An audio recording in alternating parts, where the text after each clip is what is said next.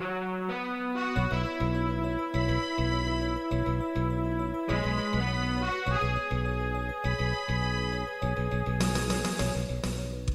listening to Radio Free Asia. The following program is in Khmer.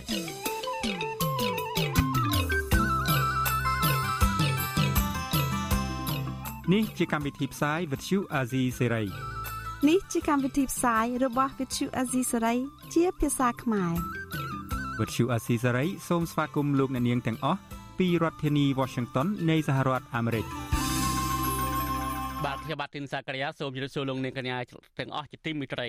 យើខ្ញុំសូមជូនកម្មវិធីផ្សាយសម្រាប់យប់ថ្ងៃអង្គារ11ខែបោះឆ្នាំខាលចត្វាស័កពុទ្ធសករាជ2566ត្រូវនៅថ្ងៃទី17ខែមករាគ្រិស្តសករាជ2023បាទជាដំបូងនេះសូមអញ្ជើញលោកអ្នកកញ្ញាស្ដាប់ព័ត៌មានប្រចាំថ្ងៃដែលមានមេត្តាដូចតទៅ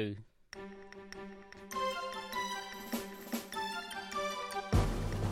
បកភ្លើងទៀនចាត់ទុកការចាប់ប្រកាន់និងចាប់ខ្លួនលោកថៃសិដ្ឋាថាជារឿងនយោបាយមន្ត្រីសង្គមស៊ីវិលម្នាក់ទៀតចូលបំភ្លឺនគរបាលរាជធានីភ្នំពេញរឿងចែករំលែកបទចម្រៀងឈាមបាតកោ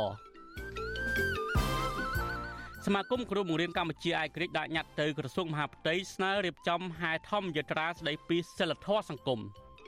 ។ បាទនីតិវិទ្យាអ្នកស្ដាប់អសិរ័យនៅយប់នេះយើងនឹងជជែកអំពីថាតើការចាប់ខ្លួនលោកថៃសិដ្ឋាអនុប្រធានគណៈបកភ្លឹងទៀននេះជារឿងអនុវត្តច្បាប់ឬក៏ជារឿងនយោបាយរួមនឹងព័ត៌មានសំខាន់សំខាន់មួយចំនួនទៀត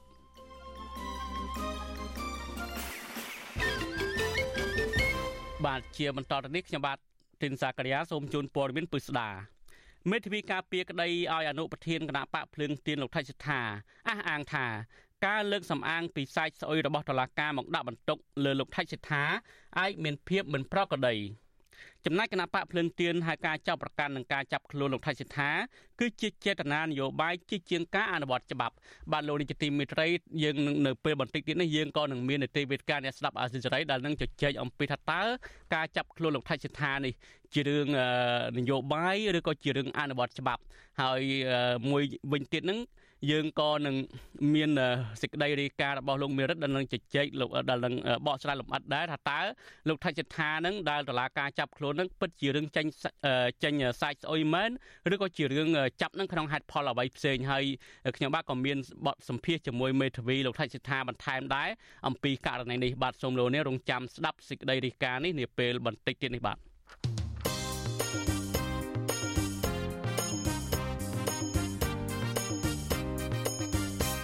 បាទលោកនាយកទីមេត្រីតេតទៅនឹងរឿងមួយទៀតដែលលោកនាងកំពុងតែចាប់អារម្មណ៍នៅលើបណ្ដាញសង្គមដែលនោះគឺថារឿងបង្ហោះបទចម្រៀងឈាមបាតកោហើយឥឡូវនេះមន្ត្រីសង្គមស៊ីវិលម្នាក់ទៀតហើយបានចូលខ្លួនបំភ្លឺនៅស្នងការដ្ឋាននគរបាលរាជធានីភ្នំពេញនៅថ្ងៃទី17មករាពាក់ព័ន្ធនឹងការចែករំលែកបទចម្រៀងឈាមបាតកោមន្ត្រីអង្គការសង្គមស៊ីវិលយល់ឃើញថារដ្ឋាភិបាលគួរតែស្វែងរកយុទ្ធធម៌ដល់ជនរងគ្រោះជាជាងរដ្ឋបတ်ការផ្សព្វផ្សាយវីដេអូបទចម្រៀងដែលមានខ្លឹមសារទាមទាររំដោះស្រាយដល់ជនរងគ្រោះ ពីអំពើហឹង្សានៅផ្លូវវែងស្រីនិងរោងចក្រនិងរោងចក្រយ៉ាក់ជីងបាទអ្នកស្រីសុជីវីរាយការណ៍ព័ត៌មាននេះប្រធានសមាគមសម្ព័ន្ធសហគមន៍កសិករកម្ពុជាលោកថេងសាវឿនប្រាប់វិទ្យុអាស៊ីសេរីក្រោយពេលចូលទៅបំភ្លឺថានគរបាលរាជធានីភ្នំពេញបានសួរផ្ដោតសំខាន់ទៅលើគោលបំណងនៃការចែករំលែកវីដេអូបទចម្រៀងដោយពួកគេចោទប្រកាន់ថាវីដេអូចម្រៀងនោះមានចេតនាញុះញង់ និងបង្កឲ្យមានអសន្តិសុខសម្រាប់ធ្នាប់សង្គមធ្ងន់ធ្ងរលោកបន្ថែមថាអត្តន័យបទចម្រៀងឈាមបាតកោមានគោលបំណងបង្ហាញការពិតដើម្បីបង្ការកុំឲ្យមានអំពើហិង្សាបន្តកើតមានទៅលើក្រុមបាតកោនិងមិនមានចេតនាអាក្រក់ឡើយក្នុងនាមជាជនរងគ្រោះម្នាក់ដែលបានរងអំពើហិង្សាដោយដែលរូបភាពវីដេអូបទចម្រៀងបានលើកឡើងលោកថេងសាវឿនបន្ថែមថាការចែករំលែកវីដេអូនេះធ្វើឡើងនៅក្នុងគោលបំណង ចង់បានយុត្តិធម៌ដល់ខ្លួនលោកផ្ទាល់និងជនរងគ្រោះផ្សេងទៀតតែប៉ុណ្ណោះវីដេអូនិងរូបភាពតែបានតាក់តែងឡើងគឺជាការបញ្ចេញមតិសិក្សាដែលទាក់ទងនឹងការយល់ឃើញរបស់សិទ្ធិអ្នកនិពន្ធសម្រាប់ខ្ញុំខ្ញុំត្រូវតែចូលរួមសហការហើយខ្ញុំនៅរក្សាជំហរវិជ្ជាជីវៈរបស់ខ្ញុំក្នុងការបំពេញកិច្ចការងារក្នុងការលើកកម្ពស់សិទ្ធិជាមូលដ្ឋានរបស់កម្មករប្រជាពលរដ្ឋនិងការជំរុញឲ្យមានធម៌សម្រាប់ព្រឹត្តិការណ៍9ឆ្នាំមុនហើយនឹងជំរុញឲ្យលោកបំបត្តិទម្រង់អំពើហិង្សាគ្រប់រូបភាពទៅលើប្រជាពលរដ្ឋឬក៏កម្មករស្លូតត្រង់ផងដែរ ក្នុងពេលលោកថេងសាវឿនចូលទៅបំភ្លឺនេះនៅខាងក្រៅរបងស្នងការនគរបាលរាជធានីភ្នំពេញមានមន្ត្រីអង្គការសហប្រជាជាតិអង្គការសង្គមស៊ីវិលនិងក្រុមអ្នកសារព័ត៌មានជិត50នាក់តាមឃ្លាំមើលគិតមកដល់ថ្ងៃនេះមន្ត្រីអង្គការសង្គមស៊ីវិល4នាក់បានចូលទៅបំភ្លឺនៅស្នងការដ្ឋាននគរបាលរាជធានីភ្នំពេញទៅតាមការកោះហៅឲ្យចូលទៅបំភ្លឺតាក់ទងនឹងការផ្សព្វផ្សាយវីដេអូចម្រៀងបែប rap ឈាមបាតកោនិងបានបង្គាប់បញ្ជាឲ្យអង្គការទាំងនេះ លុបចម្រៀងឈាមបាតកោនោះចេញពីបណ្ដាញសង្គមរបស់ពួកគេអ្នកដែលចូលទៅបំភ្លឺនោះរួមមាននាយកទទួលបន្ទុកកិច្ចការទូតនៃអង្គការលីកាដូលោកអំសំអាត បានចូលទៅបំភ្លឺកាលពីថ្ងៃទី9ខែមករាប្រធានសមាគមប្រជាធិបតេយ្យឯករាជ្យនៃសេដ្ឋកិច្ចក្រៅប្រព័ន្ធលោកវ៉ុនពៅនាយកប្រតិបត្តិអង្គការសង្ត្រាល់លោកមឿនដុល្លារដែលបានចូលទៅបំភ្លឺកាលពីថ្ងៃទី10ខែមករានិងចុងក្រោយគេប្រធានសមាគមសម្ព័ន្ធសហគមន៍កសិករកម្ពុជាលោកថេងសវឿន ដែលបានចូលទៅបំភ្លឺនៅថ្ងៃទី17ខែមករាអង្គការទាំង4នេះបានបង្ខំចិត្តលុបចម្រៀងឈាមបាតកោចេញពីបណ្ដាញសង្គមរបស់ខ្លួនទៅតាមការបង្គាប់បញ្ជារបស់ស្នងការដ្ឋាននគរបាលរាជធានីភ្នំពេញនេះរួចរាល់ហើយដែរការកោះហៅមន្ត្រីអង្គការសង្គមស៊ីវិលឲ្យចូលទៅបំភ្លឺនេះធ្វើឡើងបន្ទាប់ពីរដ្ឋមន្ត្រីក្រសួងបព្វធម៌និងវិចិត្រសិល្បៈអ្នកស្រីភឿងសាកូណាកាលពីថ្ងៃទី6ខែមករាបានចេញលិខិតស្នើសុំឲ្យអគ្គស្នងការនគរបាលជាតិ លោកណេតសាវឿនចាត់វិធានការតាមផ្លូវច្បាប់ ចំពោះការផ្សព្វផ្សាយបទចម្រៀងដែលមានចំណងជើងថាឈាមបាតកោការស្នើសុំនេះធ្វើឡើងបន្ទាប់ពីក្រុមអង្គការសង្គមស៊ីវិលបានផ្សព្វផ្សាយវីដេអូបទចម្រៀងឈាមបាតកោនៅលើបណ្ដាញសង្គម Facebook ក្នុងឱកាសខួប9ឆ្នាំនៃការបាញ់បង្ក្រាបបង្ហូរឈាមពីសំណាក់អាជ្ញាធររដ្ឋាភិបាលទៅលើក្រុមបាតកោនៅលើផ្លូវវែងស្រេង និងនៅក្បែររោងចក្រយ៉ាក់ជីនវីដេអូចម្រៀងបែប rap ឈាមបាតកោ ដែលច្រៀងដោយលោកគៀសុគន្ធបានបង្ហាញរូបភាពសមត្ថកិច្ចបាញ់និងវាយបង្ក្រាបដើម្បីបំបែកវងបាតកោដែលតវ៉ាទាមទារដំឡើងប្រាក់ខែនៅលើដងផ្លូវកាលពីដើមឆ្នាំ2014វីដេអូចម្រៀងនេះមានអត្ថន័យរំលឹកដល់វីរភាពរបស់សហជីពនិងអ្នកតស៊ូដើម្បីសិទ្ធិការងារនិងទាមទារដំឡើងប្រាក់ឈ្នួលដោយបានយកសាច់ស្រស់ឈាមស្រស់ទៅតទល់ដោយមិនខ្លាចដំបងដែកក្របកំភ្លើងរបស់កម្លាំងសមត្ថកិច្ច ដើម្បីទទួលបានប្រាក់ខែសមរម្យព្រឹត្តិការណ៍បង្ក្រាបក្រុមបាតកោដោយហិង្សាពីសំណាក់កម្លាំងសមត្ថកិច្ចកាលពីខែមករាឆ្នាំ2014ធ្វើបាតកោ4នាក់បានស្លាប់កុមារម្នាក់បាត់ខ្លួននិងមនុស្សជិត40នាក់រងរបួសវិទ្យុអាស៊ីសេរីមិនអាចតាក់ទងแนะនាំពាក្យស្នងការនគរបាលរាជធានីភ្នំពេញលោកសានសុកសីហាដើម្បីសូមអត្ថាធិប្បាយជុំវិញបញ្ហានេះបានទេ នៅថ្ងៃទី17ខែមករាដោយទូរស័ព្ទហៅចូលតែពុំមានអ្នកទទួល ជុំវិញរឿងនេះអ្នកនាំពាក្យសមាគមការពារសិទ្ធិមនុស្សអាត6លោកសឹងសានករណាយល់ឃើញថាការកោះហៅមន្ត្រីអង្គការសង្គមស៊ីវិលឲ្យចូលទៅបំភ្លឺជុំវិញការផ្សព្វផ្សាយបទចម្រៀងឈាមបាតកោនេះគឺជាការរឹតបន្តឹងសិទ្ធិសេរីភាពនៅក្នុងការបញ្ចេញមតិហើយផ្ទុយទៅនឹងមាត្រា41នៃរដ្ឋធម្មនុញ្ញដែលចែងថា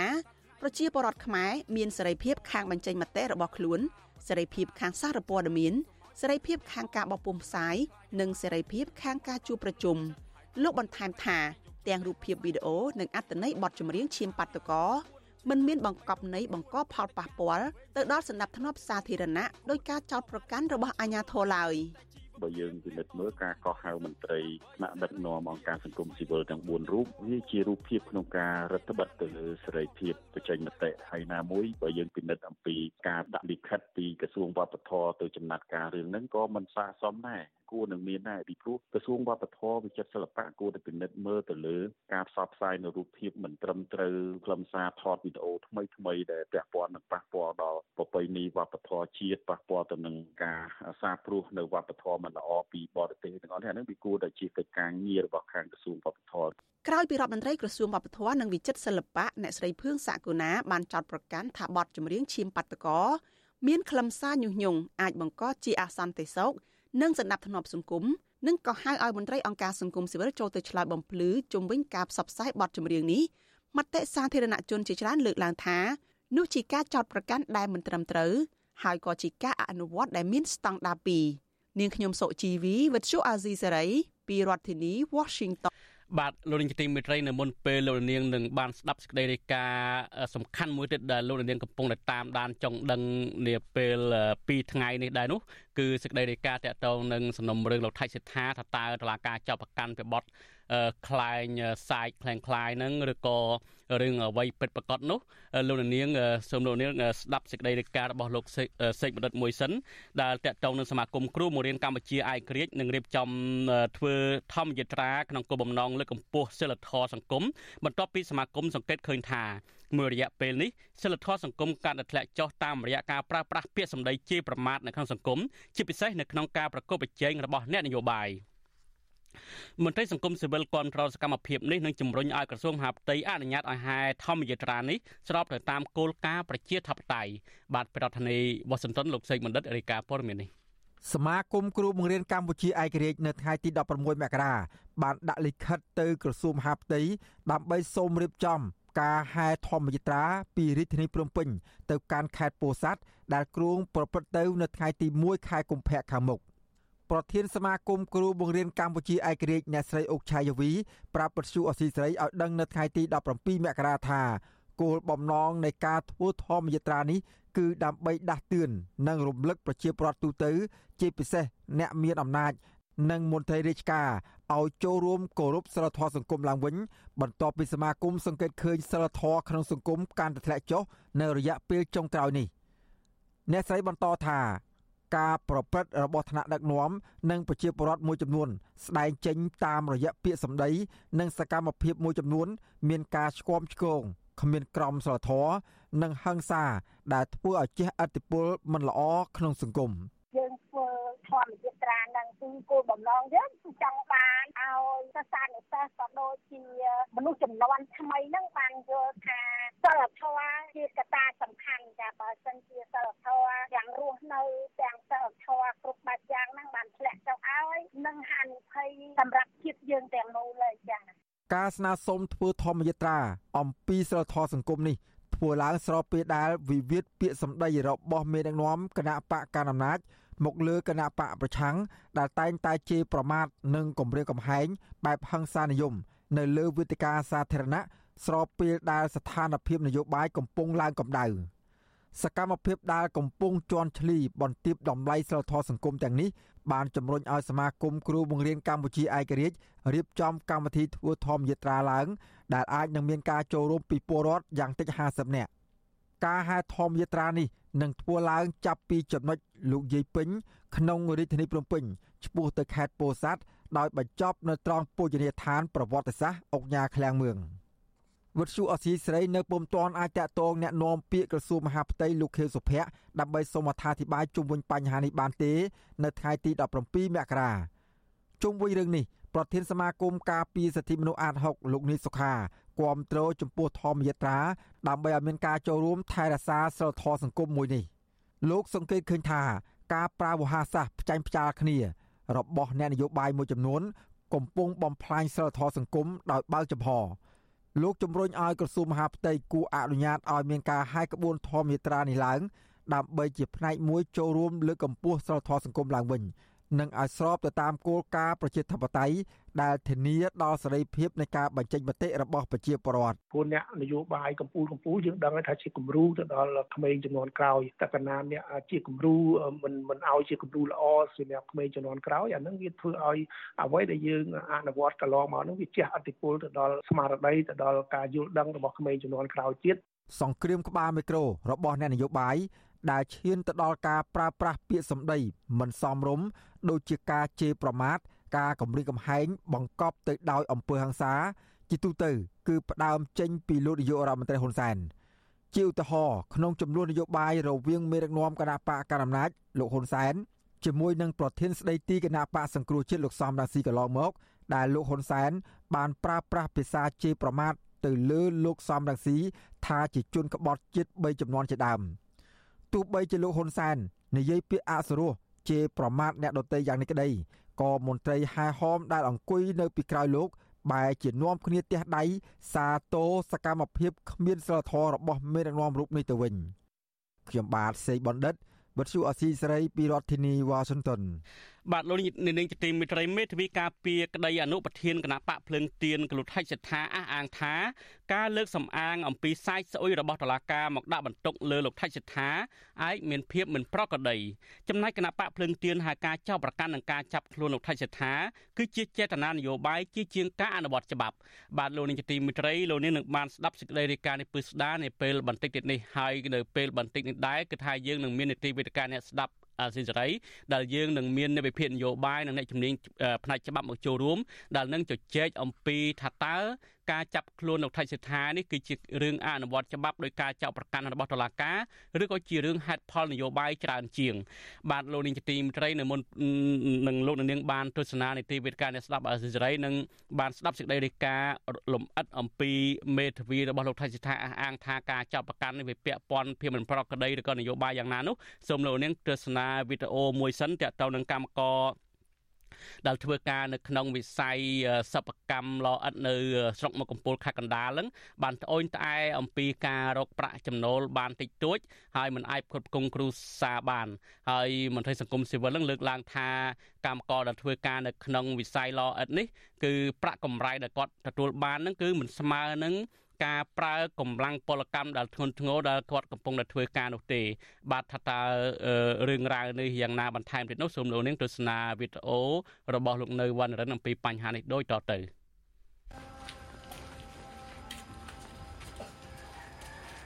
សិប្បកម្មលអិតគឺជាកន្លែងធ្វើការរកប្រាក់និងស្នាក់នៅរបស់កម្មករក្រីក្រប្រមាណ60នាក់ដូចជាកម្មការិនីហ៊ីសាមៀននិងក្រុមគ្រួសារ កម្មការិនីដែលមានដើមកំណើតមកពីខេត្តស្វាយរៀងលោកស្រីហ៊ីសាមៀនជាមួយនឹងស្វាមីរួមទាំងកូនកូនសរុបចំនួន5នាក់បានមករស់នៅនិងធ្វើការនៅទីនេះជិត10ឆ្នាំមកហើយដើម្បីលក់កម្លាំងបដូរយកកម្រៃចិញ្ចឹមជីវិតដូចខ្ញុំផ្ទាល់ធ្វើការនឹងក្តៅឡគេដុតនឹងក្តៅក្តៅល្ងុកភ្លើងក្តៅមក ប្រឈមនឹងការគូថ្នាក់ដូចថាឧទាហរណ៍ថាបើសិនជាឡនឹងវារៀងបាក់រៀងបាយទៅធ្លាក់មកលើយើងហើយចូលទៅក្នុងភ្លើងនឹងវាក្តៅហើយចង់និយាយថាពេលខ្លះដូចយើងបើសិនជាថាអត់ស្រួលខ្លួនអីទៅធ្វើប្រឈមនឹងការគូថ្នាក់ហើយសំខាន់តកែគេបើយើងអត់ធ្វើគេស្ដីឲ្យយើងយើងជាពាក់លុយគេអីចឹងយើងអត់ធ្វើការឲ្យគេចឹង ក្នុងមួយថ្ងៃលោកស្រីហ៊ីសាមៀនអាចរកប្រាក់កម្រៃបានប្រមាណ10000រៀលដោយមិនគ្រប់បង់ថ្លៃសាលាឲ្យកូន និងចាយវាយប្រចាំថ្ងៃនោះទេលោកស្រីនិងក្រុមគ្រួសារបានតស៊ូធ្វើការនៅទីនេះដើម្បីចិញ្ចឹមកូន2នាក់និងក្មួយម្នាក់ដែលកំពុងរៀននៅថ្នាក់វិទ្យាល័យនិងដោះបំណុលគេផង ហើយម្យ៉ាងទៀត លោកស្រីនិងក្រុមគ្រួសារមិនអាចរកមុខរបរផ្សេងក្រៅពីការងារនេះទេ ដោយមិនមានប្រាក់សន្សំ និងដីធ្លីសម្រាប់ធ្វើស្រែចម្ការ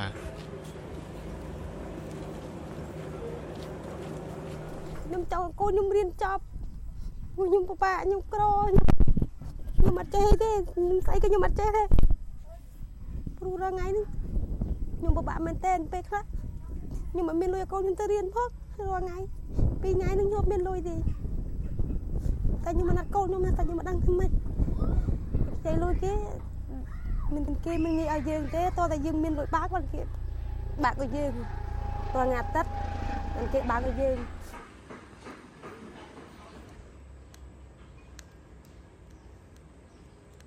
ខ្ញុំដាច់អូដាច់ជើងម្ដងដែរតើគ្រូដាច់ជើងម្ដងតែគេគ្មានឲ្យមើលយើង ទៅទៅជាងលុយខ្លួនយើងនឹងមើលទៅស្រដៀងគ្នានេះដែរកម្មការិនីម្នាក់ទៀតដែលមានស្រុកកំណើតនៅក្នុងខេត្តកំពង់ចាមលោកស្រីដិនសុកលេងនឹងប្តីមកធ្វើការមួយថ្ងៃពេញបានប្រាក់កម្រៃជាង10000រៀលតែត្រូវស៊ូទ្រាំធ្វើដើម្បីរកប្រាក់ចិញ្ចឹមចៅចៅពីរនាក់ដែលនៅសិក្សារៀនសូត្រថ្ងៃមួយថ្ងៃគ្មានតែពេលសម្រាប់តែពេលម៉ោង5ម៉ោង6នឹងបើបានសម្រាប់ អញ្ចឹងឲ្យក្រោកពីយប់ទៅហឺកតិចគេជួយរៀបប្លង់គេទៅបានលុយ10000 20000ទៅថាវិបនីគ្រូអើយ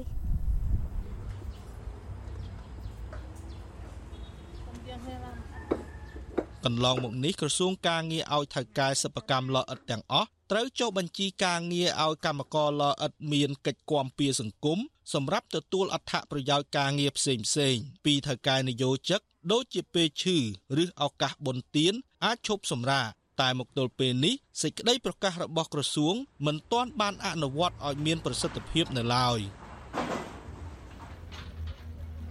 យ៉ាងហោចណាស់កម្ពុជាមានសិប្បកម្មលអិតចំនួន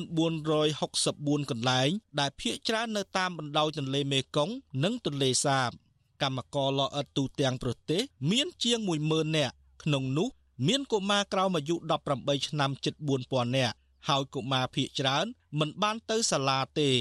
ពលរដ្ឋរាប់ពាន់គ្រួសារនៅទីនោះរួមមានទាំងកុមារដែលជំពាក់បំណុលគេ កំពុងធ្វើការនៅក្នុងស្ថានភាពគ្រោះថ្នាក់ដើម្បីបំពេញតម្រូវការល្អិតកម្មករសិប្បកម្មលអិតដូចជាលោកស្រីហ៊ីសាមៀន និងលោកស្រីដិនសុកលេង បញ្ជាក់ថាពួកគាត់និងក្រុមគ្រួសារគ្មានជំរើសណាក្រៅពីការតស៊ូធ្វើការនៅក្នុងសិប្បកម្មលអិតដើម្បីទទួលបានប្រាក់កម្រៃដោះស្រាយបំណុលនិងចិញ្ចឹមជីវិតប្រចាំថ្ងៃខ្ញុំបាទនៅវណ្ណរិន with Chu Azizi Saray ពីរដ្ឋធានី Washington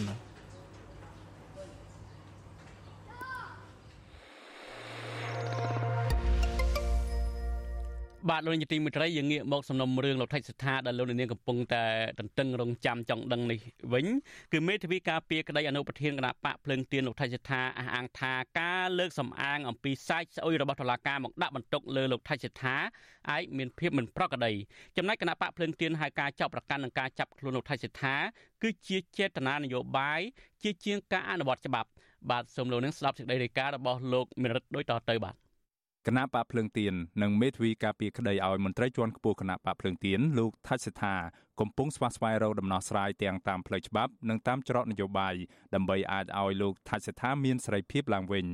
អនុប្រធានគណៈបកភ្លើងទៀនលោកសុនឆៃថ្លែងឲ្យដឹងថាប៉ះសិនបើករណីនេះគឺជារឿងនយោបាយគណៈបកភ្លើងទៀននឹងស្វាស្វែងរកការជួបជជែកជាមួយគណៈបកកណ្ដាលអំណាច តែលោកថាបើករណីនេះជាចំនួនបុគ្គលគណៈបកភ្លឹងទៀនក៏នឹងព្យាយាមស្វែងរកភាគីដើមម្ដងដើម្បីជជែករកដំណោះស្រាយលោកសុនឆៃបន្តថាគណៈបកភ្លើងទៀនខិតខំសម្រុះសម្រួលគ្នាជាមួយគណៈបកកណ្ដាលអំណាចធ្វើយ៉ាងណាឲ្យមានបរិយាកាសនយោបាយល្អ ដែលជាការចង់បានពីពលរដ្ឋម្ចាស់ឆ្នោតយន្តការថ្មីមួយដែលខ្ញុំថាវាល្អរបស់វាយល់ស្របល្អទៅលោកប្រធានគណៈបកគៀកផងយើងយល់ថាជាយន្តការល្អប៉ុន្តែជួនកាលវាវាទម្លាប់ចាស់ខ្លះវាមិនទាន់បានកែប្រមូលបាននៅមានការជជែកមែនតែខាងយើងទេខាងគណៈបកកណ្ដាលក៏លោកមានចេញជួនកាលប្រើពាក្យសម្ដីខ្លះក៏ធ្ងន់ធ្ងន់ធ្ងន់មកដល់យើងយើងដែរ អានេះវាទាំងសងខាងទេដូច្នេះបានតែយើងត្រូវប្រើយន្តការឲ្យថារំលឹកគ្នាបានម៉េចដើម្បីឲ្យការងារទៅមុខទៀតនោះគឺថាយើងធ្វើឲ្យបានល្អធម្មតាវាវាមានតែការកែលម្អគ្នាទេលោកសុនឆៃលើកឡើងដូចនេះនៅក្នុងសន្និសីទសារព័ត៌មាននៅថ្ងៃទី17ខែមករានៅទីស្នាក់ការគណៈបកភ្លើងទៀនរាជធានីភ្នំពេញជុំវិញការចាត់ប្រកាសនិងការចាប់ខ្លួនអនុប្រធានគណៈបកភ្លើងទៀនលោកថាច់សេដ្ឋាលោកថាច់សេដ្ឋាត្រូវបានអាជ្ញាធររបស់រដ្ឋាភិបាលលោកនាយរដ្ឋមន្ត្រីហ៊ុនសែន ចាប់ខ្លួនកាលពីល្ងាចថ្ងៃទី16ខែមករានៅពេលដែលលោកធ្វើដំណើរចេញពីបំពេញការងារនៅទីស្នាក់ការរបស់គណៈបកភ្លើងទៀនក្នុងសំណុំរឿងមិនបានបំពេញកាតព្វកិច្ចចំពោះឧបករណ៍អាចជួញដូរបានឬចេញសាច់អត់ប្រាក់ឬសាច់ស្អុយកាលពីអំឡុងឆ្នាំ2019ភាគីដើមម្ដងគឺក្រុមហ៊ុនឯកជនមួយឈ្មោះក្រុមហ៊ុនរិនឆៃផនសប ចក្រមស៊ើបសួរសាលាដំបូងរាជធានីភ្នំពេញលោកតិតដាលីនបានចេញដីកាបង្គាប់ឲ្យឃុំខ្លួនលោកថៃសិដ្ឋាបណ្ដោះអាសន្ននៅមណ្ឌលអប់រំកែប្រែទី1ឬគុកប្រៃសរតឡាកាបានចាត់ប្រកាសថាលោកថៃសិដ្ឋាបានខកខានមិនបានចូលខ្លួនបំភ្លឺតាមដីកាបង្គាប់ឲ្យចូលខ្លួនចំនួន2លើករបស់ចៅក្រមស៊ើបសួរកាលពីឆ្នាំ2021 មេធាវីការពីក្តីឲ្យលោកថាច់សិដ្ឋាគឺលោកជួងជងីឲ្យវិសុវស៊ីស្រីដឹងថាលោកបានទៅជួបកូនក្តីរបស់លោកនៅពន្ធនាគាររួចហើយកាលពីព្រឹកថ្ងៃទី17ខែមករាលោកថាកូនក្តីរបស់លោក នៅតែមានឆន្ទៈមោះមុតស្មារតីរឹងមាំធម្មតាដដែលលោកបន្តថាកូនក្តីរបស់លោកអះអាងថាគាត់មិនបានប្រព្រឹត្តបទល្មើសដោយតាមការចោទប្រកាន់នោះទេលោកមេធាវីឲ្យដឹងទៀតថាសំណុំរឿងនេះ ភាគីដើមមិនដឹងបានប្តឹងលោកថាសិដ្ឋាកាលពីអំឡុងឆ្នាំ2011ម្ដងរួចមកហើយពីបទឆបោកតែក្រោយមកត្រូវបានតឡាការច្រានចោលក៏ប៉ុន្តែទើបមកទល់ពេលនេះឃើញភៀកគីដើមបណ្ដឹងនោះបានចេញមកប្តឹងកូនក្តីរបស់លោកសាជាថ្មីពីករណីចេញសាច់ស្អុយនេះទៅវិញលោកមេធាវីបន្តទៀតថាតាមរយៈការជជែកគ្នាជាមួយកូនក្តីរបស់លោក លោកថាច់សេថាបានចុះហត្ថលេខាលើសែកចំនួន5សន្លឹកមែនក៏ប៉ុន្តែលោកថាច់សេថាមិនបានចុះកាលបរិច្ឆេទថ្ងៃខែឆ្នាំនៃការបើកប្រាក់នោះទេ និងចំនួនប្រាក់ដែលត្រូវផ្ដល់ឲ្យនោះទេ ដូច្នេះបើរឿងនេះជារឿងពិតបានន័យថាមានភាពមិនប្រក្រតីក្នុងការចំពោះសាច់5ត្រឹកហ្នឹងពីព្រោះសាច់គឺត្រូវតែសម្ដែងឆន្ទៈរបស់អ្នកចេញគឺឥឡូវនេះគឺបើគាត់ជាម្ចាស់សាច់អលេខារបស់គាត់គឺគាត់អត់ទាន់បានបញ្ជាក់ថាបើកលុយប្រមាណហើយបើកពេលណាផងអញ្ចឹងបានន័យថាសាច់ហ្នឹងគាត់អត់ទាន់បានបញ្ជាក់ពីឆន្ទៈគាត់ច្បាស់លាស់ថាតើត្រូវបើកពេលណាបើកប្រមាណនៅឡើយទេអញ្ចឹងបានន័យថាអត់ទាន់មានតម្លៃផ្លូវការណាអញ្ចឹងអាចជឿថានរណាជាអ្នកសរសេរចំនួនទឹកលុយនរណាជាអ្នកសរសេរបើកពេលណាអ្នកនោះឯងជាអ្នកខ្លាយបន្លំសាច់នឹងលោកមេធាវីជួងជងីឲ្យដឹងទៀតថាពេលនេះលោកកំពុងស្នើតុលាការដើម្បីថតចម្លងសំណុំរឿងនេះយកទៅសិក្សានិងដាក់ពាក្យប្តឹងទៅសាលាឧទ្ធរប្រឆាំងនឹងការចាប់ខ្លួនលោកថាច់សេដ្ឋាទោះយ៉ាងណា លោកមេធាវីថាចៅក្រមកាន់សំណុំរឿងនេះគឺលោកទឹកដាលីនមិនព្រមផ្ដល់លេខនៃការឃុំខ្លួនឲ្យលោកនោះទេ លោកមេធាវីរិះគន់ថានេះគឺជាចេតនាចង្អៀតចង្អល់របស់ចៅក្រមក្នុងការកាត់ក្តីក្នុងសំណុំរឿងនេះគ្រាន់តែផ្ដល់លេខដេតាសម្រាប់ឃុំខ្លួនដើម្បីឲ្យមេធាវីបំពេញបែបបទបដងទៅគាត់មិនព្រមផ្ដល់ឲ្យគាត់បង្ហាញពីភាពចង្អៀតចង្អល់ក្នុងការចាត់ការរឿងក្តីណាមិនចៅក្រមផ្សេងផ្សេងទៀតកន្លងមកគេផ្ដល់ឲ្យឲ្យមានបញ្ហាអីផងប៉ុន្តែចៅក្រមកាន់រឿងក្តីនេះគាត់ចង្អៀតចង្អល់គណៈបកភ្លើងទៀនបារម្ភថាការចោតប្រកាន់និងការចាប់ខ្លួនសកម្មជនគណៈបករហូតដល់ថ្នាក់ដឹកនាំគណៈបកភ្លើងទៀនជាបន្តបន្ទាប់រហូតមកទល់ពេលនេះ កំពុងបង្កជាការបារម្ភដល់គណៈបកនេះនៅក្នុងការធ្វើសកម្មភាពនយោបាយក្នុងការចូលរួមការបោះឆ្នោតថ្នាក់ជាតិនៅថ្ងៃទី23ខែកក្កដាឆ្នាំនេះ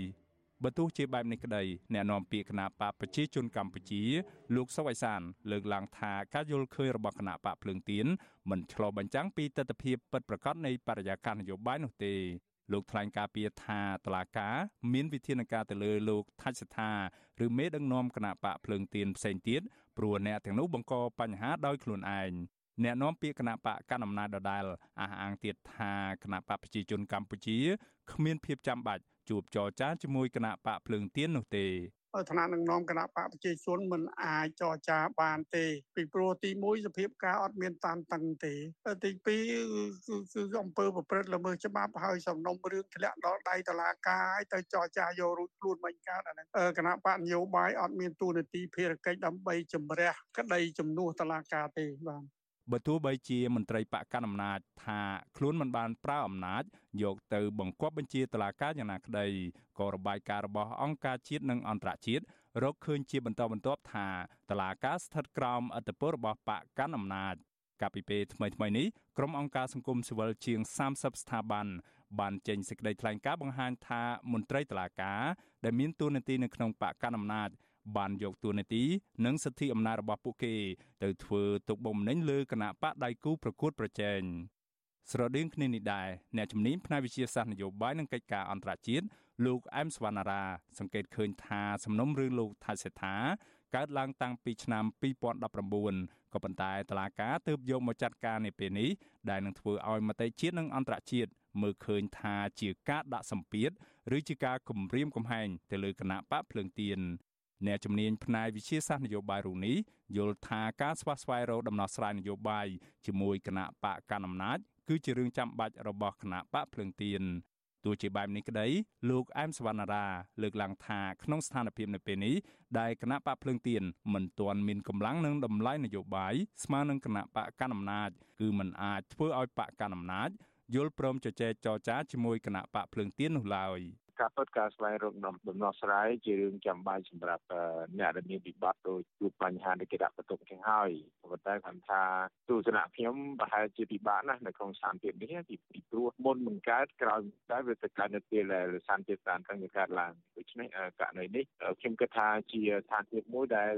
លោកថាជាថាពិបាកនឹងដោះស្រាយបញ្ហាបាទពិបាកនឹងរកអន្តរាគមឬក៏ដោះស្រាយតាមយន្តការច្បាប់បាទលោកថាច់សថាជាមន្ត្រីជាន់ខ្ពស់គណៈបកភ្លើងទៀនទី1ដែលត្រូវបានចាប់ខ្លួននិងជាមេដឹកនាំគណៈបកភ្លើងទៀនទី3ដែលជាប់បណ្ដឹងនៅតុលាការរបស់រដ្ឋាភិបាលលោកហ៊ុនសែនក្រៅពីលោកថាច់សេដ្ឋាអនុប្រធានគណៈបកភ្លើងទៀនលោកសុនឆៃកំពុងចាញ់ក្តីបកកណ្ដាលអំណាចនិងកោចបហើយត្រូវបានតឡាការបង្គាប់ឲ្យបង់ប្រាក់សងជំងឺចិត្តទៅគណៈបកប្រជាជនកម្ពុជាចំនួន1លានដុល្លារ ចំណែកឯឧត្តមទីប្រឹក្សាគណៈបកភ្លើងទៀនលោកគង្គគំត្រូវបានគណៈបកប្រជាជនកម្ពុជាខេត្តត្បូងឃ្មុំដាក់ពាក្យប្តឹងពីបទញុះញង់និងទាមទារសំណងជំងឺចិត្តជាប្រាក់ចំនួន50ម៉ឺនដុល្លារហើយត្រូវបានលោកនាយរដ្ឋមន្ត្រីហ៊ុនសែនរឹបអូសយកដីនឹងផ្ទះរបស់លោកដែលមានកម្មសិទ្ធិស្របច្បាប់ គណៈបកភ្លឹងទៀនប្រកាសថាខ្លួននឹងពិចារណាឡើងវិញអំពីលទ្ធភាពនៃការចូលរួមនៅក្នុងការបោះឆ្នោតជាតិខាងមុខនេះប្រសិនបើសកម្មភាពនៃការគំរាមកំហែងនៅតែបន្តកើតមានធ្ងន់ធ្ងរទៅលើគណៈបកភ្លើងទៀនតទៅទៀត អ្នកជំនាញផ្នែកវិទ្យាសាស្ត្រនយោបាយលោកអែមសវណ្ណារាយល់ថាបើគណៈបកភ្លើងទៀនបន្តរងនឹងការធ្វើទុកបុកម្នេញតទៅទៀតទំនងជាសហគមន៍អន្តរជាតិមិនឈរអោបដៃមើលនោះទេ ដែលពួកគេថាអាចនឹងទាមទារទៅរដ្ឋាភិបាលលោកហ៊ុនសែនឲ្យអនុវត្តច្បាប់ឲ្យបានត្រឹមត្រូវ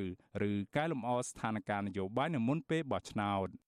ខ្ញុំបានមេរិត Visual C ស្រីពីរដ្ឋធានី Washington បាទលោកនាងជាទីមេត្រីបន្ថែមលើសេចក្តីរាយការណ៍របស់លោកមានរិទ្ធនេះយើងនឹងមានបទសម្ភាសជាមួយលោកជួនជងៀដែលជាមេធាវីរបស់លោកថច្ឆថាបន្ថែមទៀតដែលមេធាវីបានអះអាងថាការចាប់ខ្លួនលោកថៃសិដ្ឋានេះគឺមានភាពមិនប្រក្រតីជាច្រើនពិសេសគឺការកត់សម្គាល់នៅមុនការបោះឆ្នោតឆ្នាំ2023ខាងមុខនេះមិនមែនជាហេតុផលពិតប្រាកដទាក់ទងនឹងរឿងការចាញ់ផ្សាយคล้ายៗនោះទេបាទលោកនេះនឹងបានស្ដាប់បទសម្ភាសន៍នេះបន្ថែមនៅក្នុងកម្មវិធីផ្សាយរបស់យើងនៅព្រឹកស្អែក បាទលោកនេះជាទីមេត្រីលោកនេះត្រូវបានស្ដាប់ព័ត៌មានប្រចាំថ្ងៃដែលរៀបចំដោយខ្ញុំបាទទីនសាការីយ៉ាពីរដ្ឋធានីវ៉ាស៊ីនតោនសូមលោកនាងរងចាំស្ដាប់ទស្សនានីតិវេទិកាអ្នកស្ដាប់អាស៊ីសេរី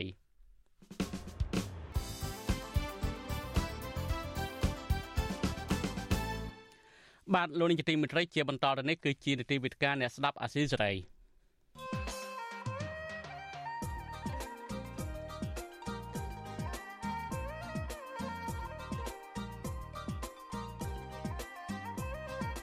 វិទ្យាអ្នកស្ដាប់វិទ្យុអាស៊ីសេរី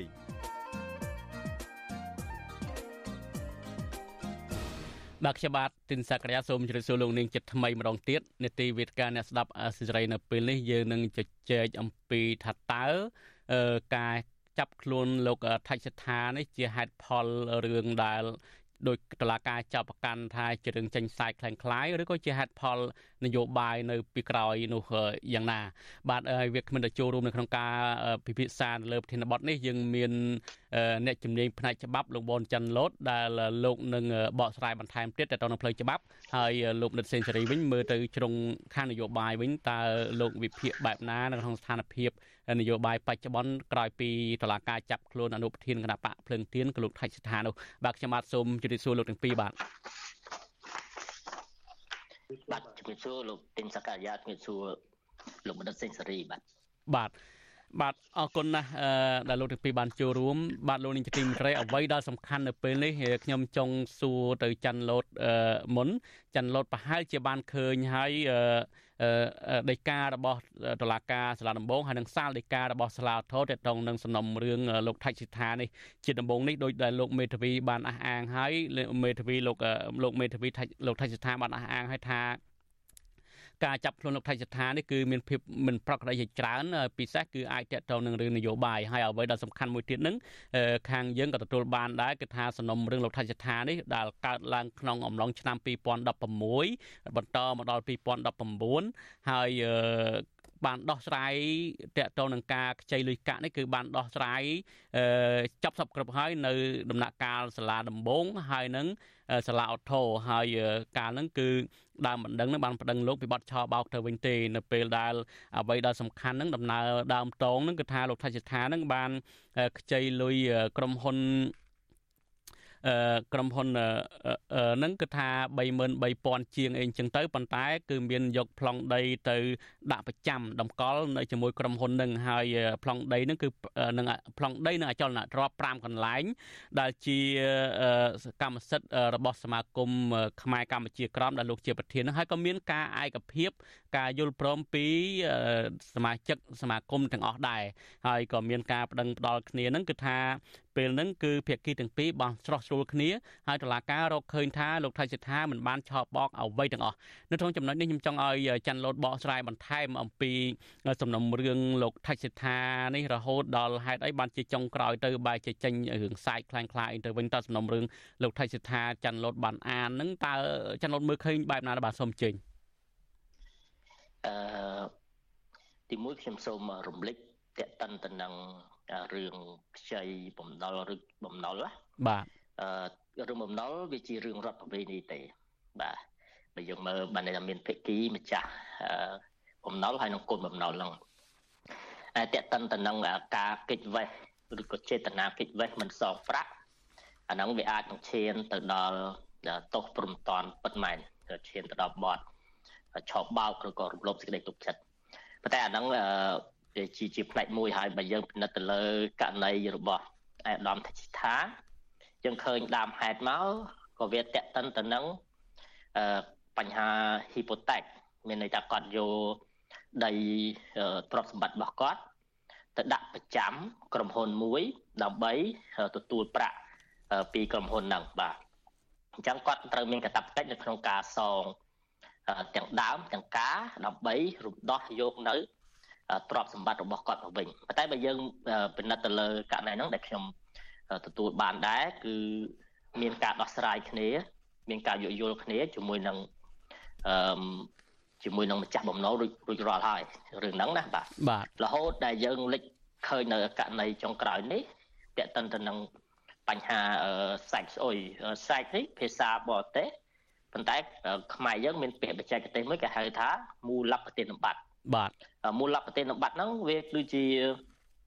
กระดาษមួយ ដែលមាននៅការលេខលិខិតអក្សរឬក៏ថតលេខាអំពីម្ចាស់មូលបតិនិបត្តិហ្នឹងបើសិនជាគាត់ប្រើប្រាស់ទម្រង់ហ្នឹងដើម្បីឲ្យនរណាម្នាក់ទៅដកថវិកាដកលុយពីធនាគារអាហ្នឹងយើងនិយាយស្រួលស្ដាប់ណាបាទអញ្ចឹងកន្លែងហ្នឹងដែលយើងមើលឃើញចំណុចវិវាទ ដែលលោកថៃសិដ្ឋាកំពុងតែទទួលបណ្ដឹងអំពីកំពុងតែចាប់ចោតបាទត្រូវបានចាប់ចោតតែនៅក្នុងចំណុចនេះតាមការលើកឡើងរបស់មេធាវីលោកថៃសិដ្ឋាបានបញ្ជាក់ហើយថានៅក្នុងមូលបតិនិបត្តិហ្នឹងឬក៏ស្រែកហ្នឹងมันមាននៅ ការបញ្ជាក់អំពីការបរិច្ឆេទឬក៏ចំនួនទឹកប្រាក់ទេអញ្ចឹងអាកន្លែងហ្នឹងដែលយើងមើលឃើញអំពីចំណុចអឺខ្វះចន្លោះ ឬក៏អ្វីដែលគេហៅនិយាយថាវាគួរសង្ស័យណាពីព្រោះសាច់មួយចេញដោយអត់មានលុយចេញដោយអត់មានការបរិច្ឆេទចេញយ៉ាងម៉េចបាទអ្នកណាអ្នកចេញបាទវាអញ្ចឹងអាហ្នឹងជាអ្វីដែលយើងមើលឃើញតែនៅក្នុងទស្សនវិជ្ជានេះយើងញែកឲ្យដាច់ដែលខ្ញុំមើលឃើញអឺសម្រាប់នៅក្នុងបរិបទបច្ចុប្បន្នយើងមើលឃើញថាស្ថានភាពនៃគណៈបពប្រឆាំងឬក៏អ្នកដែលហ៊ានរិះគន់ ទៅនឹងការដឹកនាំរបស់រដ្ឋអំណាចបច្ចុប្បន្នតែងតែទទួលរងនឹងការធ្វើទុកបុកម្នេញហ្នឹងជាទស្សនវិជ្ជានយោបាយហើយជាតតិភាពពិតមួយសម្រាប់បដិបត្តិនៅកម្ពុជា ទី2អឺបើសិនជារឿងបុគ្គលឯកជនខ្ញុំគិតថាវាពិបាកដែរពីព្រោះរឿងបុគ្គលឯកជនមួយចំនួនទាំងប្រជាពលរដ្ឋធម្មតារហូតឈានទៅដល់អ្នកនយោបាយរហូតឈានទៅដល់អ្នកដឹកនាំប្រទេសប្រហែលជាយើង มันអាចនឹងច្បាស់ទេអញ្ចឹងរឿងហ្នឹងខ្ញុំគិតថាអឺយើងនឹងរងចាំមើលទៅនឹងដំណើរការឬក៏នីតិវិធីរបស់តុលាការប៉ុន្តែបើសិនជាអឺវាស្ថិតនៅក្នុងរូបភាពអឺនៃការប្រព្រឹត្តឬក៏ចេតនានៃការប្រព្រឹត្តណាមួយក៏ពិតមែនខ្ញុំគិតថារូបភាពហ្នឹងវាវា វានឹងត្រូវបង្ហាញទៅតាមអ្វីជាការតតាំងគ្នានៅតុលាការបាទបាទអរគុណច្រើនចន្ទលុតដែលបានបកស្រាយនៅចំណុចនេះខ្ញុំសូមបន្ថែមលើចន្ទលុតបន្តិចដែរករណីករណីចាញ់សាច់អត់លុយអីនេះវាមិនជារឿងខ្លាំងខ្លាបើនៅតាមបទធនាគារហ្នឹងទៅពេលឡាណាឲ្យចាញ់លុយឲ្យនរណាមួយជាសាច់ហ្នឹងហើយលុយអត់គ្រប់ឬក៏អត់មានលុយហ្នឹងធនាគារពវល់មកឲ្យសម័យដើមវិញសាច់ហ្នឹងហើយធនាគារគ្រាន់តែកាត់លុយ ពិន័យប្រហែលជា30រៀលជាងអីចឹងទេក្នុង10000ដុល្លារអញ្ចឹងណាបាទហើយអត់មានទោសទណ្ឌអីទេបើមើលទៅក្នុងចំណុចនេះក៏ប៉ុន្តែខ្ញុំចង់បន្ថែមលើច័ន្ទលូតតកតងនឹងរឿងសំណុំរឿងលោកដើមហេតុដែលកើតឡើងរវាងលោកថៃសិដ្ឋាហើយនិងក្រុមហ៊ុនរិនឆាយផនសបនេះដោយដែល សេចក្តីរាយការណ៍បានជម្រាបជូនពីមុននឹងអញ្ចឹងគឺថាលោកថៃស្ថានឹងបានខ្ចីលុយក្រុមហ៊ុនរិនឆាយផនសបនឹងចំនួនជាង30000ដុល្លារក្នុងអំឡុងឆ្នាំ2016ហើយក្រោយមកក៏មានចំនួននឹងគ្នាក៏ក្រុមហ៊ុននឹងប្តឹងទៅលោកថៃស្ថាប្តឹងលោកថៃស្ថាទៅតុលាការពីបទឆោបោកហើយតុលាការសាលាដំបងអឺ បានកាត់ឲ្យលោកថៃស្ថាដល់ពិនិត្យមើលទៅលោកថៃស្ថាមានអចលនទ្រព្យបញ្ចាំមានអីហើយលោកថៃស្ថាព្រមសងអីអញ្ចឹងទៅក៏ឲ្យលោកថៃស្ថារិចទោសក្រុមហ៊ុននឹងក៏ប្តឹងមកសាឡាវថោទៀតសាឡាវថោក៏ផ្អែកលើការស៊ើបអង្កេតលើសំណុំរឿងកាត់ក្តីលោកថៃស្ថានឹងក៏តម្កល់សារក្រមសាលាដំបងហើយខ្ញុំចង់អានកន្លែងនេះបន្តិច សាលដីការបស់សាឡាវថោនឹងបានបានបានសម្រេចថាឲ្យឈ្មោះថៃស្ថាភេទប្រុសអាយុ65 65ឆ្នាំជនជាតិខ្មែររួចរួចផុតពីការចោទប្រកាន់ពីបទឆោបោកប្រព្រឹត្តទៅនៅរាជធានីភ្នំពេញកាលអំឡុងឆ្នាំ2016បទល្មើសព្រហ្មទណ្ឌដែលមានចែងតាមមាត្រា377និងមាត្រា388នៃក្រមព្រហ្មទណ្ឌបាទហើយលោកមេធាវីជុជងីហ្នឹងក៏បានអះអាងដែរថានៅមុននេះខ្ញុំបានសួរលោកហ្នឹងលោកថា រឿងហ្នឹងគឺបានសោះស្រួលគ្នាហើយហើយលោកថៃសិដ្ឋាហ្នឹងព្រមសងជាបន្តបន្តមកដល់មកទល់ពេលនេះគឺថានៅជាងតិចតួចទេប៉ុន្តែតិចតួចដោយសារលោកដែលជាប់បានជួបលោកថៃសិដ្ឋារយៈពេលខ្លីហ្នឹងក៏មិនបានលំអិតអីទេហើយអ្វីដែលសំខាន់ហ្នឹង លោកមេធាវីបានលើកហេតុផលថាអ្វីដែលការចាប់ប្រកាន់មករឿងថ្មីមួយថារឿងសាយคล้ายคล้ายនេះហាដូចជាមិនត្រូវទេហើយថាជារឿងវាពាក់ព័ន្ធហើយពាក់ព័ន្ធនឹងរឿងនយោបាយទៅវិញចំណុចនេះខ្ញុំចង់ងាកទៅលោកដិតសេនស៊ូរីតើលោកមើលឃើញបែបណាដែរការបោះឆ្នោតឆ្នាំ2023នៅសល់តែប្រហែលខែទៀតទេនៅខែកក្កដាខាងមុខនេះហើយឥឡូវហ្នឹងឃើញអនុប្រធានគណៈបកភ្លឹងទៀនជាគណៈបកប្រឆាំងហ្នឹងគឺតឡាការចាប់ខ្លួននៅស្របពេលដែល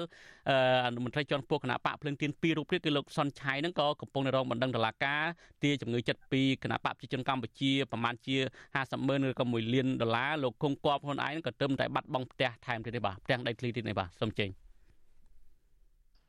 យើងមើលគោលដៅនៅក្នុងការចាត់ការទៅលើអ្នកនយោបាយដែលមាននិន្នាការប្រឆាំងគឺលែងសំដៅទៅលើគណៈបកនយោបាយហើយគឺសំដៅទៅលើបុគ្គលនយោបាយបាទបាន ធ្លាប់បញ្យល់រឿងនឹងដែរថាជាយុទ្ធសាស្ត្រនៅក្នុងការបោះសម្អាតសេវានយោបាយសម្រាប់អ្នកចំនួនក្រោយឬក៏អាចឥឡូវនេះអាចជាមធ្យោបាយមួយដែរនៅក្នុងការរុញភ្លើងទៀនឲ្យចេញពីសេវានយោបាយដោយមិនចាំបាច់រំលាយទេគឺបើសិនជាក្នុងករណីភ្លើងទៀនសម្រាប់ចិត្តធ្វើពហិការមិនចូលរួមការបោះឆ្នោតអាហ្នឹងគឺមានន័យថាជោគជ័យដោយមិនចាំបាច់មិនចាំបាច់រំលាយភ្លើងទៀនទេ ហើយមួយទៀតហ្នឹងខ្ញុំខ្ញុំបើយើងមើលពីមុំនយោបាយយើងហាក់ដូចជាហាក់ដូចជាត្រូវបានគេមើលឃើញថាស្អីក៏ជារឿងនយោបាយបាទប៉ុន្តែខ្ញុំហាក់ដូចជាមើលឃើញថាចៅក្រមឬតឡាការនឹងហាក់ដូចជាមានចេតនាយកចិត្តនរណាម្នាក់ដើម្បីផលប្រយោជន៍អីមួយពេលខ្លះហ្នឹងអឺ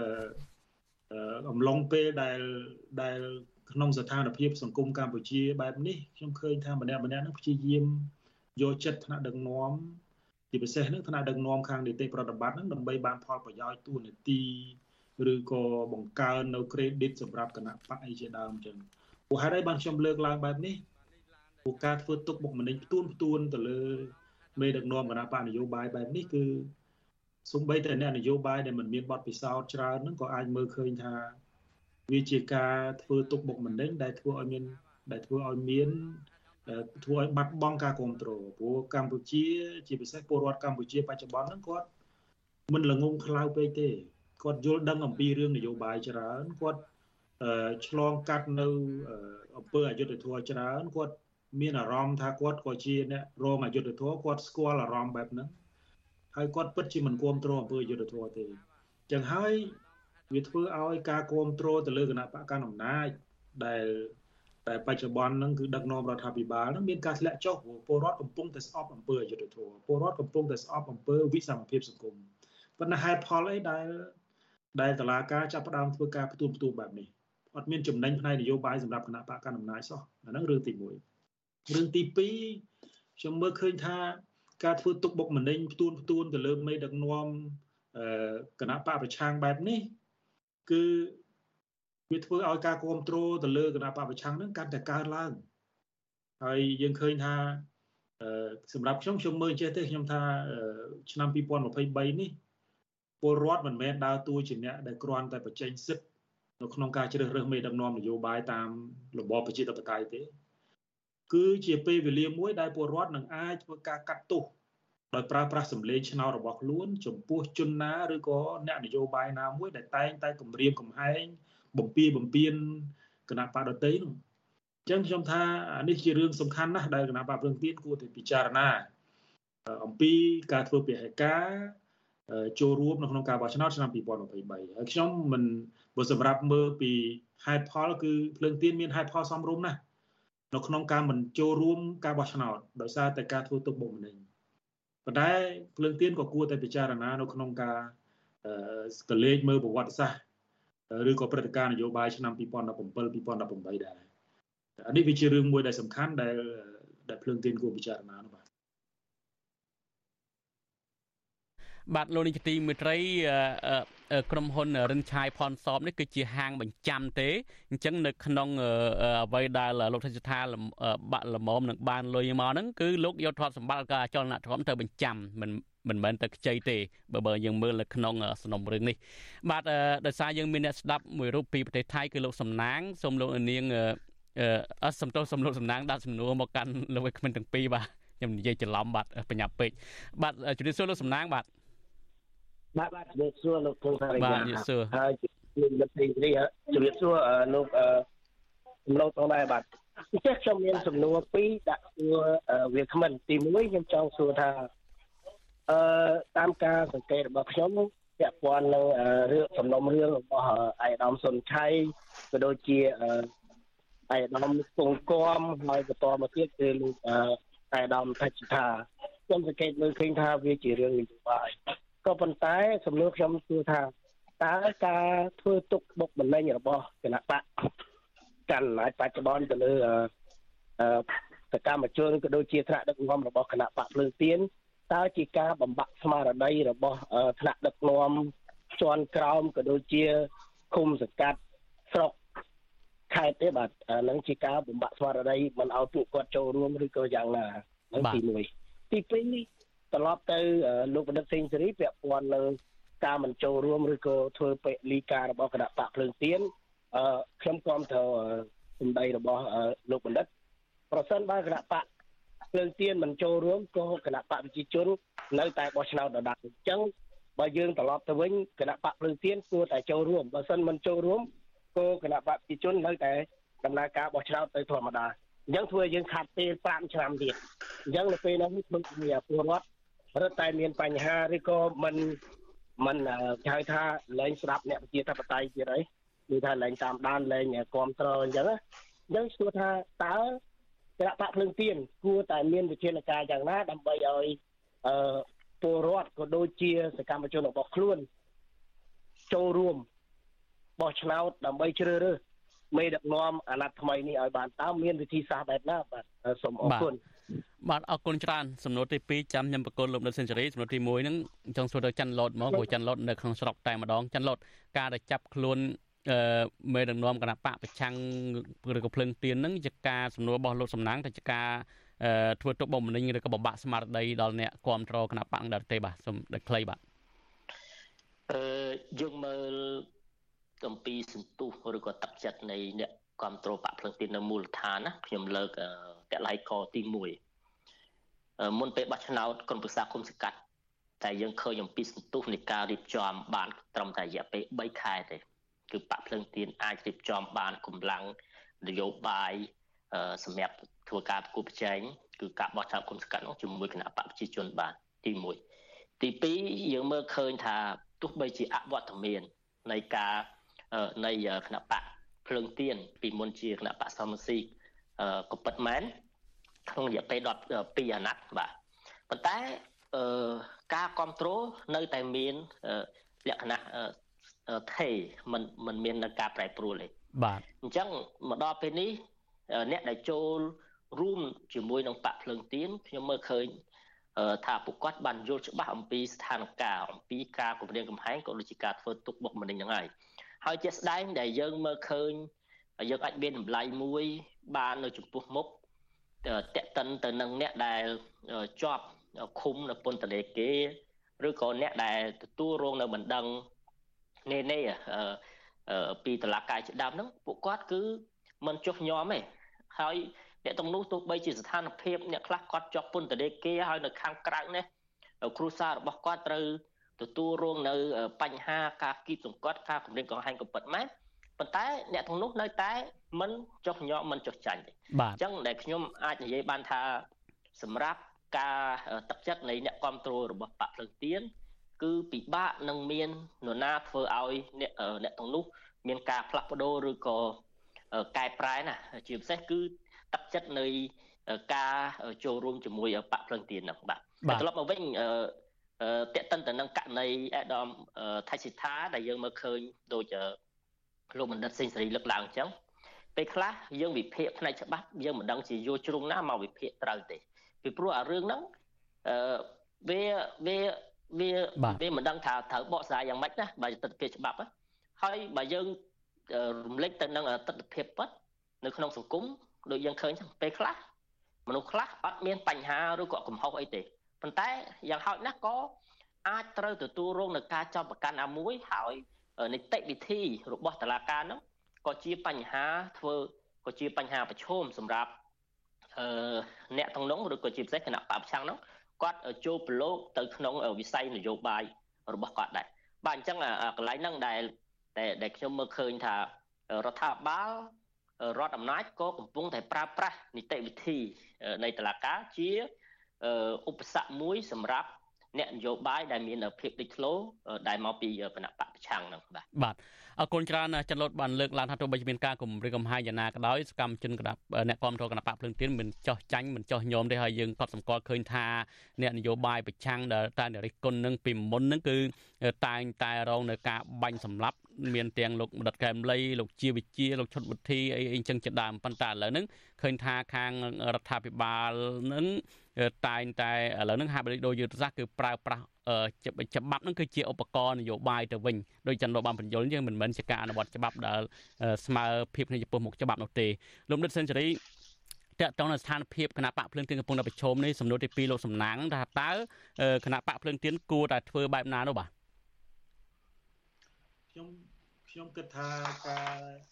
សម្រេចចិត្តរបស់គណៈភ្លើងទៀនគឺអាស្រ័យទៅលើមេដឹកនាំរបស់ភ្លើងទៀនបាទប៉ុន្តែអ្វីដែលខ្ញុំអាចអ្វីដែលខ្ញុំអាចដល់នៅគំនិតខ្លះដើម្បីពិចារណាគឺ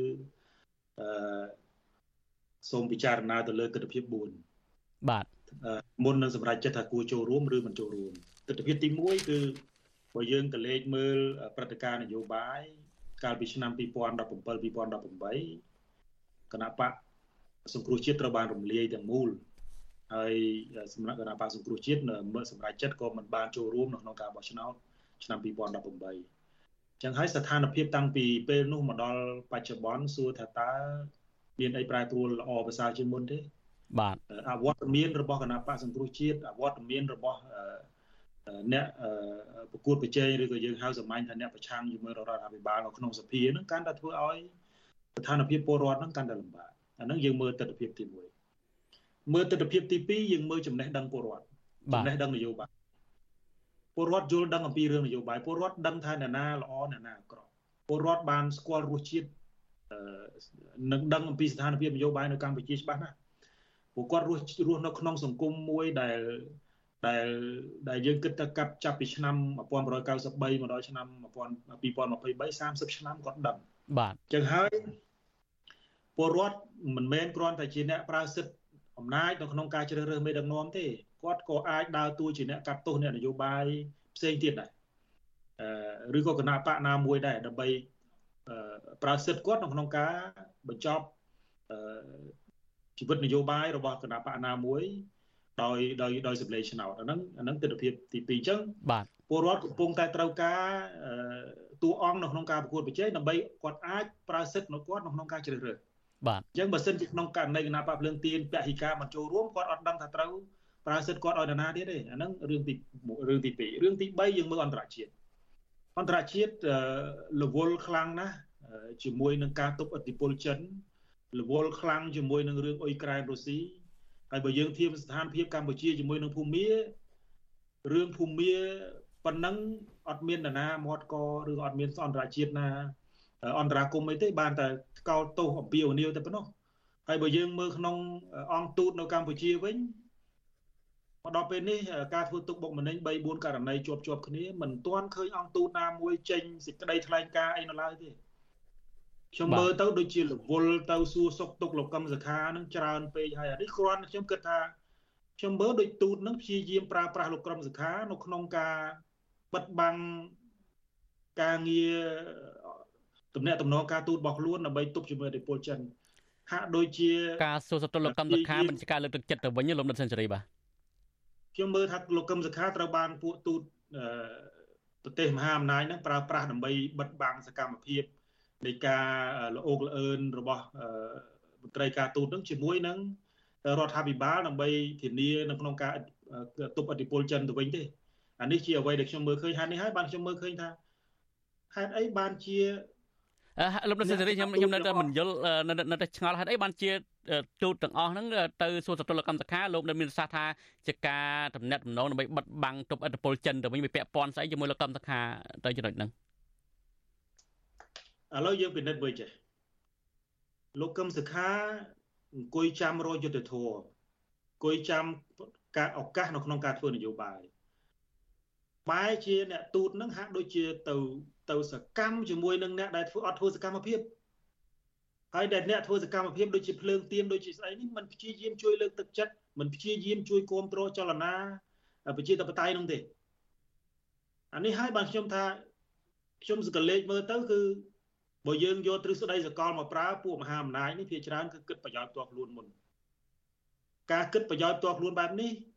គឺទី1គឺស្អំរដ្ឋាភិបាលអញ្ចឹងទៅរាប់អានទៅលើកទឹកចិត្តលោកកឹមសុខាទៅពួកលោកកឹមសុខាជាមួយនឹងរដ្ឋាភិបាលបច្ចុប្បន្ននេះក៏ដូចជាមិនមានអរិយភាពអីគ្នាច្រើនប្រមាណដែរទេចឹងហើយដូចជាព្យាយាមប្រើយុទ្ធសាស្ត្រប្រើប្រាស់លោកកឹមសុខាក្នុងការបិទបាំងរឿងអីមួយយ៉ាងដែល ដែលពួកមហាអំណាចត្រូវការអានេះអានេះសម្រាប់ខ្ញុំបាទទី2ទីចំណុចចុងក្រោយដែលភ្លើងទៀនត្រូវពិចារណាថាគួរចូលមិនចូលនោះយើងមើលថាអវត្តមានរបស់គណៈបកភ្លើងទៀនហ្នឹងតើធ្វើឲ្យគណៈបកប្រជាជនជិះក្បាលទេ